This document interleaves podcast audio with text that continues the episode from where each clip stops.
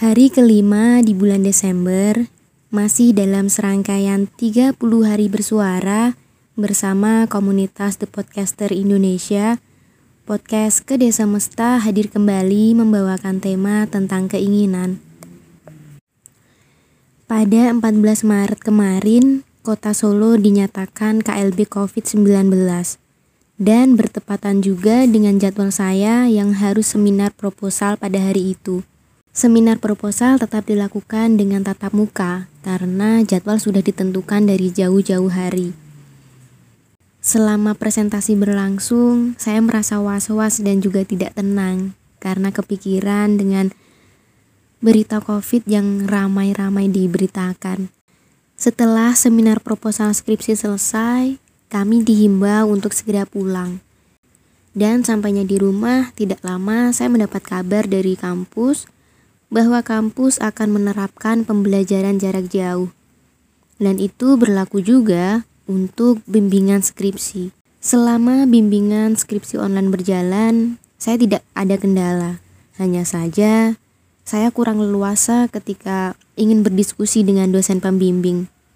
Beruntunglah, saya memiliki dosen yang selalu memberi materi pendamping ketika skripsi saya harus ada yang direvisi. Beliau juga cepat dalam mereview naskah. Selain itu, beliau juga sering memberikan semangat kepada mahasiswa-mahasiswanya agar bisa selesai tepat waktu. Tidak mudah ternyata skripsi di tengah pandemi. Kita jadi susah untuk melakukan penelitian, untuk dokumentasi. Kita juga tidak boleh datang ke perpus.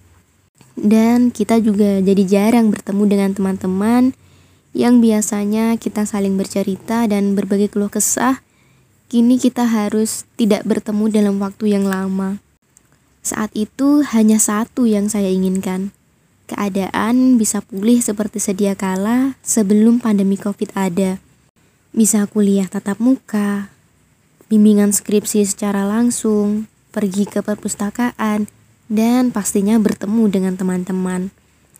Dari pandemi, saya mendapatkan pelajaran tentang makna bersyukur dan menghargai waktu.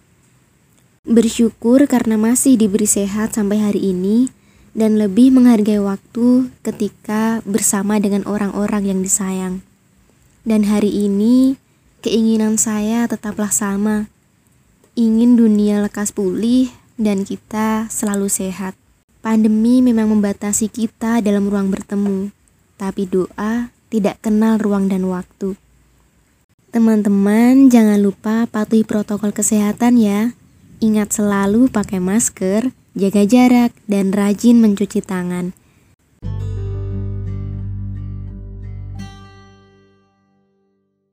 Terima kasih sudah dengar episode hari ini. Kita jumpa lagi di hari ke-6 bulan Desember dengan membawakan tema tentang perjumpaan. Saya Novia, penjaga kedai semesta, izin pamit sebentar ya.